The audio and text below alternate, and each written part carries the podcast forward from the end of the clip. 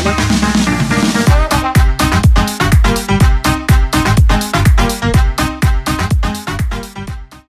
teman-teman, apa kabar hari ini? Kembali lagi bersama saya Aflan di program acara Obrolan Lancar. Obrolan Lancar. Pada kali ini kita kedatangan bintang tamu yang lain dari yang lain. Di sini dia akan memberikan inspirasi bagi kita semua, baginya mahasiswa juga. Di sini dia akan sharing dan menceritakan bagaimana ceritanya yang sangat menginspirasi. Dia merangkak dari bawah sekali hingga dia sekarang bisa membiayai kuliahnya sendiri. Nah, kita nggak usah lama-lama. Bintang tamunya juga sini udah nungguin, udah keringetan, kasihan juga ya. ya Mas, boleh dikenalin Mas sama teman-teman yang nonton di sini. Namanya siapa? Asalnya dari mana? Kuliahnya di mana? Untuk nama saya Mafto Muhammad Nur dari Boyolali Mas kebetulan. Nah, sekarang kuliah di Universitas Ahmad Dahlan. Di wah di sana kuliahnya ngambil apa Mas? Jurusannya? Kebetulan kami ngambil jurusan Pendidikan Agama Islam. PAI Oh, itu S1 tak? S1 ya. Angkatannya? Angkatan 17. Di sini ngekos apa kontrak? Tinggal di masjid. Tinggal di masjid. Iya, ya bantu-bantu masjid lah, Mas. Hmm, jadi di masjid tuh gimana mas sistemnya? Iya, kalau sistemnya ya awalan dulu Mas. Kalau kita masuk di tahun 2019 eh 2018. Di tahun 2018 ya awalan masuk kita cuma ya tunggu masjid, azan, imam gitu aja sih. Untuk kebersihan sudah ada orang marbotnya. Tapi berjalan semakin ke sini kita dipasrahin untuk kebersihannya. Bersama dua orang sih sama teman saya. Untuk sekarang nih aktivitas selama kuliah online tuh apa ya mas? Ada aktivitas lain gitu maksudnya? Iya, aktivitas lain selain kuliah online kan bisa disambi tuh kuliah online tuh. Ya jualan sih mas, jualan kerupuk. Jualan kerupuk. Iya, kerupuk ramba. Ya sebenarnya sudah mulai dari dulu sebelum kita kuliah online. Jadi sebelum kuliah online pas offline ketika tahun ya semester 2 mulai merintis itu mas. Ya awalnya sih ya iseng-isengan aja mungkin. Awal mula jualan tuh itu dapat dari mana idenya gitu? Apa dari nge-up usahanya orang tua atau dari mana ide? Jual rambak. Iya. Awal mula sih dulu kan di tahun 2018 itu pas semester 2 kan kebetulan orang tua saya merantau. Nah, kemudian pas pulang pas hari lebaran mau balik ke Lombok, merantau di Lombok sana, kebetulan sana gempa. Gempa dahsyat kan dulu, Mas. Si, si, si. Berarti orang tuanya sampean sekarang di Lombok. Enggak, sekarang udah di sini, udah balik di sini. Ah, iya. Kan rawan di sana riskan gempa lagi kan. Nah, akhirnya ya sudah. Enggak bisa balik ke sana. Saya pikir kan ini kalau enggak balik ke sana saya enggak dapat uang, nanti buat bayar kuliah gimana, buat jajan gimana kan enggak bisa juga, Mas. Apalagi kan masih ada urusan magang juga, magang dasar seperti Biaya itu. tambahan juga. Ya biaya tambahan juga itu kan. Makanya dari situ berpikir kerja apa ya? Terus kebetulan paman saya itu ya bikin kerupuk, jualan kerupuk itu. Saya bilang sama paman saya gimana kalau saya jualin gitu kan. Awal mulanya saya jualannya itu saya beli dulu, baru saya jualan. Oh, berarti beli dikit-dikit dari paman terus Iya. dijual lagi. Iya seperti itu. Tapi kan saya mikir kalau kayak gini saya nggak bisa berkembang dong. Karena modalnya besar, sedangkan modalnya kan kecil kan. Saya lobby paman saya, gimana kalau saya ambil dulu, kemudian nanti saya jualin, habis dijual, balik pulang, baru saya kasihkan uangnya. Tapi alhamdulillah mau juga. Berarti kayak sistemnya tuh sampean nerusin paman ya berarti jatuhnya. Iya, kayak sales lah mas. Oh ya, sales sales Iya. pamannya sendiri malah Iya. ya kan. Biasanya biasanya itu Mas ngejualnya di mana aja? Apa di kampus itu kan kuliah kan ada tuh. Enggak, di pasar mas saya mas. Iya di pasar, dan itu pun banyak sekali perjuangan. Berarti kalau ngambil banyak di setor ke pasar itu dalam bentuk perbal atau per kardus atau per plastik. Iya satu bal itu kan sat- satu picis gitu mas kan satu pak yang besar itu Ah. itu kan ada isi 20 picis Nah itu harga dari paman saya itu 6.000 saya jual 7.000.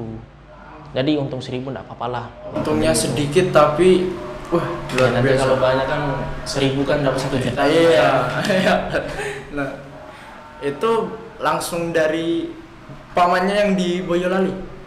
Kebetulan di Klaten. Dekat, Pak. Dekat Dekat ya. juga.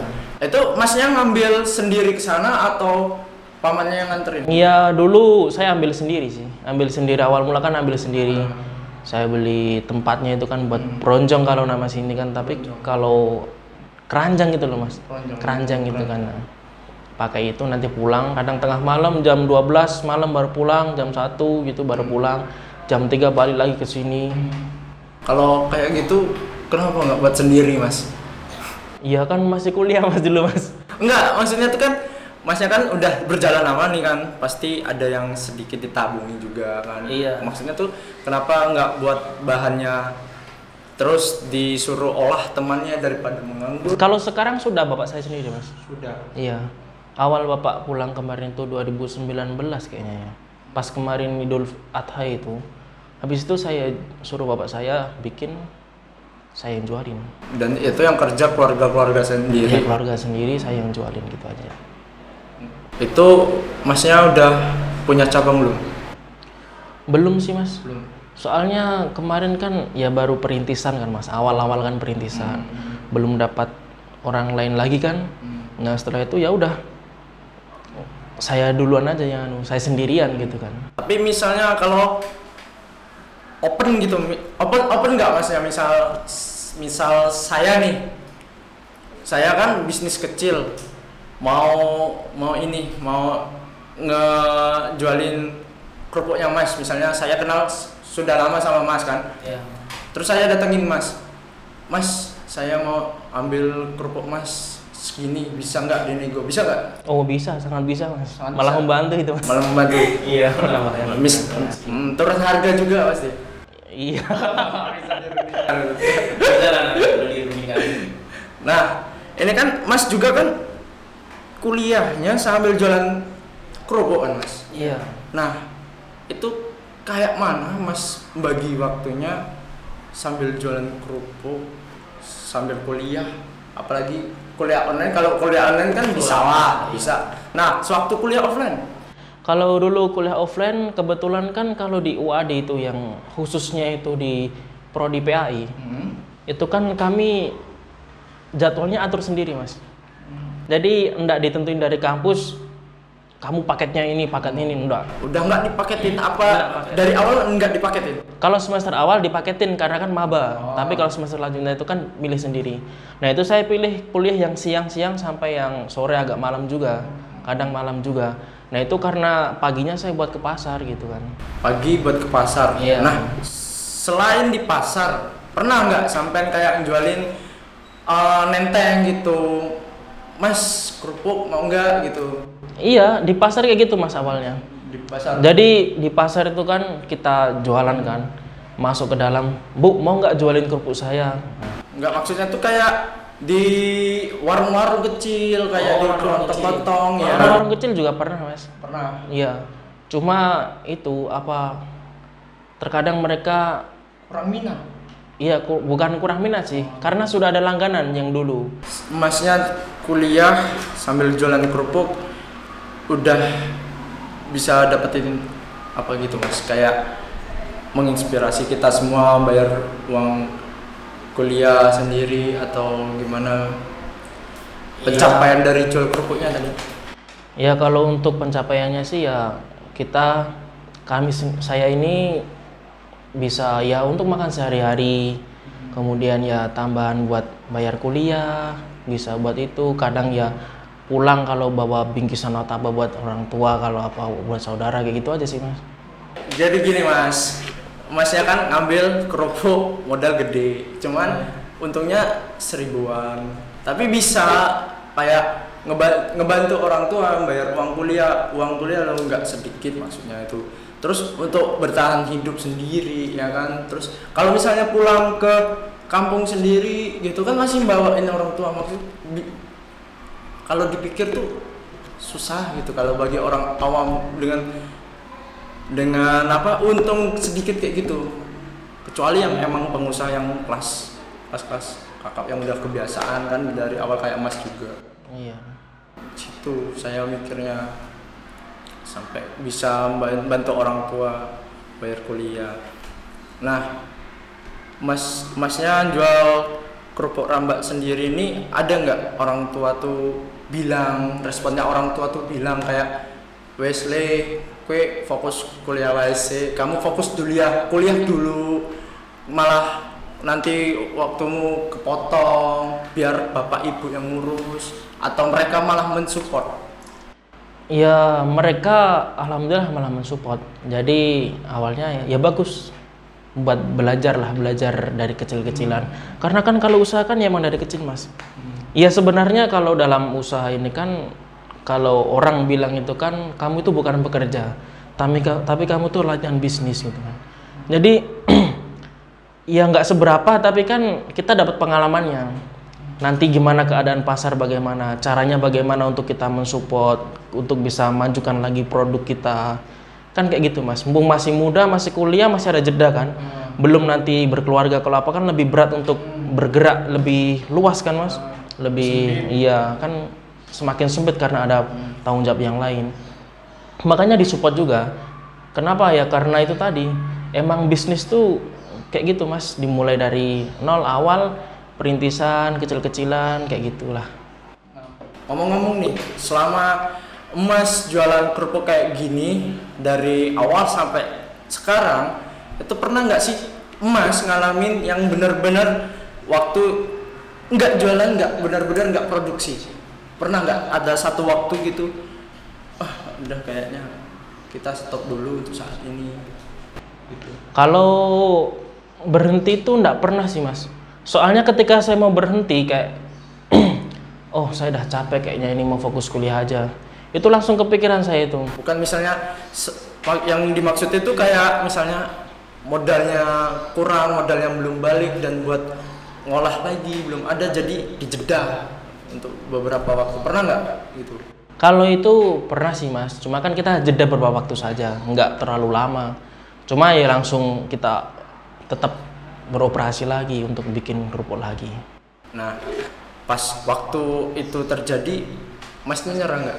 Kayak ngerasa ah ya ya untuk apa? gitu. Kayak Iya. kayak orang-orang orang-orang apa tuh namanya orang-orang lemah kayak gitu nah Ya enggak sih mas, kalau kita menyerahkan enggak. Karena saya tuh pedomannya gini dulu kan pas malam-malam pulang jam 12 pulang, ya ini nanti ah, kebegal atau enggak ya. Pikirannya kan gitu kan mas. Tapi saya kan di situ merenung nggak apa-apa lah kita gini terus karena hari kan tetap kita capek kan sehari kan tetap kita capek. Walaupun kita cuma tiduran tapi kan kita capek. Iya. Nah daripada saya capek karena tidur, mending saya capek karena gerak gitu aja. Ya untuk hasil ya belakangan aja. ngasilin uang juga ya kan? Iya. kita cari uang sendiri gitu. Iya. kayak pasrah boleh tapi jangan nyerah. Kalau orang mau ngomong apa aja misalnya eh lu kayak gini kayak gini tapi kitanya masih gerak itu tandanya kita masih hidup tapi kalau misalnya orang bilang oh untuk apa? Nggak bakal maju nggak? Lu bakal kayak gitu kayak gitu kayak gitu kayak gitu terus. Dan kita ngedengerin oh iya juga ya. Untuk apa jualan buat buat apa? Aku masih ngelanjutin buat apa? Kayak gini kayak gini kayak gitu. Benar kata dia mending aku nyerah aja. Udahlah uangnya simpen aja. Aku fokus kuliah. Itu tandanya kita yang udah hancur. Iya, nggak pernah sih kayak gitu mas. Soalnya kan kalau ada omongan kayak gitu kan ya cuma bilang dalam hati aja. Ya tunggulah nanti. Sekarang mungkin jadi olokan, besok akan berubah menjadi sorakan tepuk tangan. boleh boleh Ya kita dari semua. Iya, iya. Tunggulah nanti kalau kata gimana tunggu asik asik asik sumpah ini mas Maftu nih sangat menginspirasi dia tuh kayak gini loh dia tuh sering sering dapat masukan dari orang eh Maftu lu ngapain kayak gini kayak gini? Lu nggak capek kah? Gini gini gini. Tapi sama sekali nggak ada kata pasrah. Capek iya tapi nggak pernah menyerah nggak pernah lagi pasrah. Apalagi pasrah. Tapi definisinya tadi pasrah boleh, Tapi kalau nyerah enggak gitu kan gimana? pasrah? Eh enggak capek boleh. Nyerah jangan apalagi Iya, pasrah. ya kan? Iya. bener gak tuh? Nah, nah untuk untuk ceritanya Maftu ini kan sangat struggle kan? Maksudnya tuh penuh perjuangan banget dari ya mohon maaf kata ya Mas ikut di masjid kan?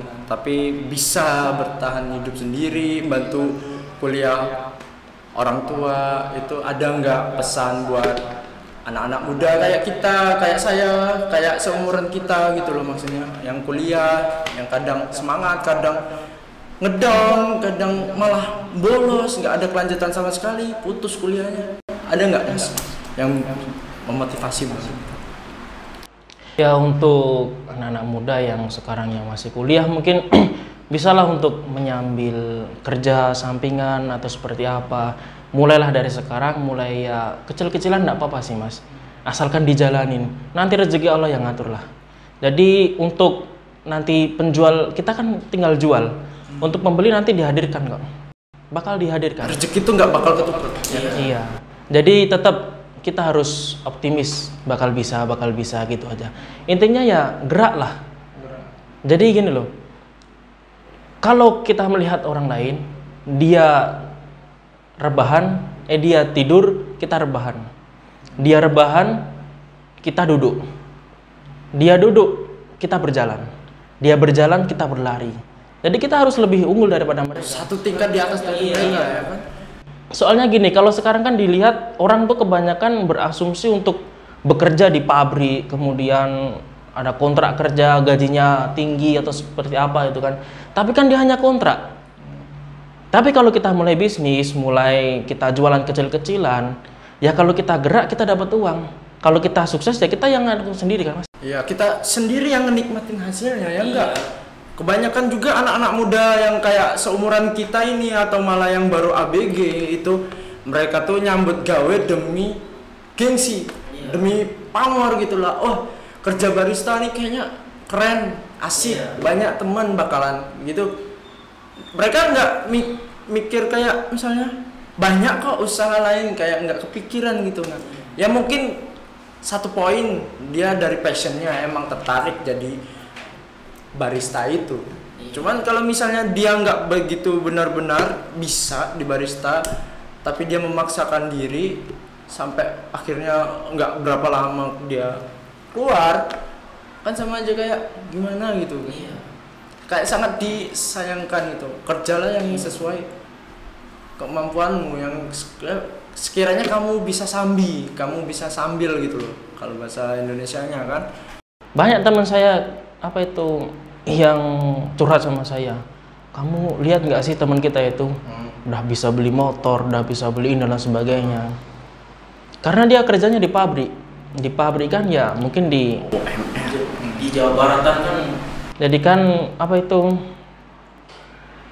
ya kayak gitulah nanti ada kesenjangan sebenarnya sih. Tapi kan kita kan lihat kan nanti kalau kita jualan gini aja nanti dapat hasilnya lebih banyak kok. Itu Iya. aja. dikumpulin sedikit demi sedikit kan. Apa pun itulah. Konsisten. Konsisten. Kerjain semua itu konsisten. Jangan pernah ragu. Karena kalau ragu gak akan pernah ada hasilnya nggak mas? Iya. kalau kita ngelakuin sesuatu tuh sendat-sendat kayak kadang semangat kadang wah capek kadang nyerah kadang depresi malahan kan. Itu malah nggak ada hasilnya sampai kapan pun. Cuman kalau kita usaha sedikit kitanya nggak ragu. Kita penuh semangat penuh keyakinan kayak emas. Itu yakin nih yakin. Emang nggak langsung nampak. Itu bakal kelihatan hasilnya nanti Kalau ragu nanti sama aja kita merencanakan kegagalan bukan keberhasilan gitu. Kan. ya sama juga kayak kita percaya kegagalan itu ada. Iya. kita sendiri yang menghidupkan kegagalan itu. Cobalah kalau mindsetnya nggak nggak apa kayak diisi ketakutan. Ketakutannya boleh boleh aja mas ya. Mas juga pernah ngerasain takutan? kan Bahkan pas di pasar, Mas, ketika di pasar bu mau nggak jual jualin kerupuk ini? Terus baru kayak gitu dibentak lagi. Baru jam segini masa tawar-tawarin? Gitu kan itu kan makan hati sebenarnya mas. Cuma ya yang nggak apa-apa lah gitu kan. Emang dunia pasar kan kayak gitu. Ada orang yang kadang ya lembut kadang enak. Nah ada juga yang kadang dia tuh galak sekali. Galak sekali. Namanya dunia pasar kan berarti kalau pengumuman kayak yang di pagar-pagar tuh nggak lagi awas ada gitu. Oh, enggak. awas ada pedagang. Awas ada pedagang galak gitu kan. Tuh. Eh, masnya abis ini ada kegiatan apa nih abis dari acara kita? Ya kemungkinan ngajar anak-anak belajar sih di masjid? Iya. Kan ini kan kuliahnya kan online kan. Jadi Ya. kan mereka tidak punya guru. Jadi kita yang ngajarin gitu aja. nah itu yang mas ajarin tuh anak umur berapa atau random Di SMP ya kalau ada yang mau belajar datang. Tapi sudah dijadwalkan juga. gratis Gratis juga kan fasilitasi masjid. Eh, di mana di masjid mana itu mas Di daerah Blok O situ, Mas. Dekat Auri. masjid Nurul Huda. Nah, buat kalian yang mau ngaji gratis sama Mas Maftu sama sharing-sharing, minta motivasi, minta saran gitu biar kalian semangat. Oh, iya ya, masih ada orang yang di bawah kita dengan semangat yang tinggi. Itu temuin aja di Masjid Nurul apa? Nurul Huda. Nurul Huda di Blok O di Auri. Itu di Jogja kalau kalau kalian di luar Jogja ya marilah datang ke Jogja lah kita nongkrong sama masnya juga gitu. Aku juga mau sharing-sharing lebih di balik kamera ini kalau udah selesai nanti. Oke, ya itu du- itu dulu sampai sampai sini aja. Nanti malah keterusan sampai beberapa episode. Jangan pernah berhenti untuk saksikan channel-channel ini karena channel ini sangat asik, sangat menarik bintang tamu bintang tamunya. ah, ada yang lebih asik dari Mas Maftu ini nanti di episode selanjutnya yang yang pastinya lebih menginspirasi kita ya. Nah, makanya buat kalian yang belum subscribe, subscribe. Yang belum like, like. Komen, jangan lupa komen, jangan lupa like, comment, and subscribe. Ya, see you, bye. Assalamualaikum.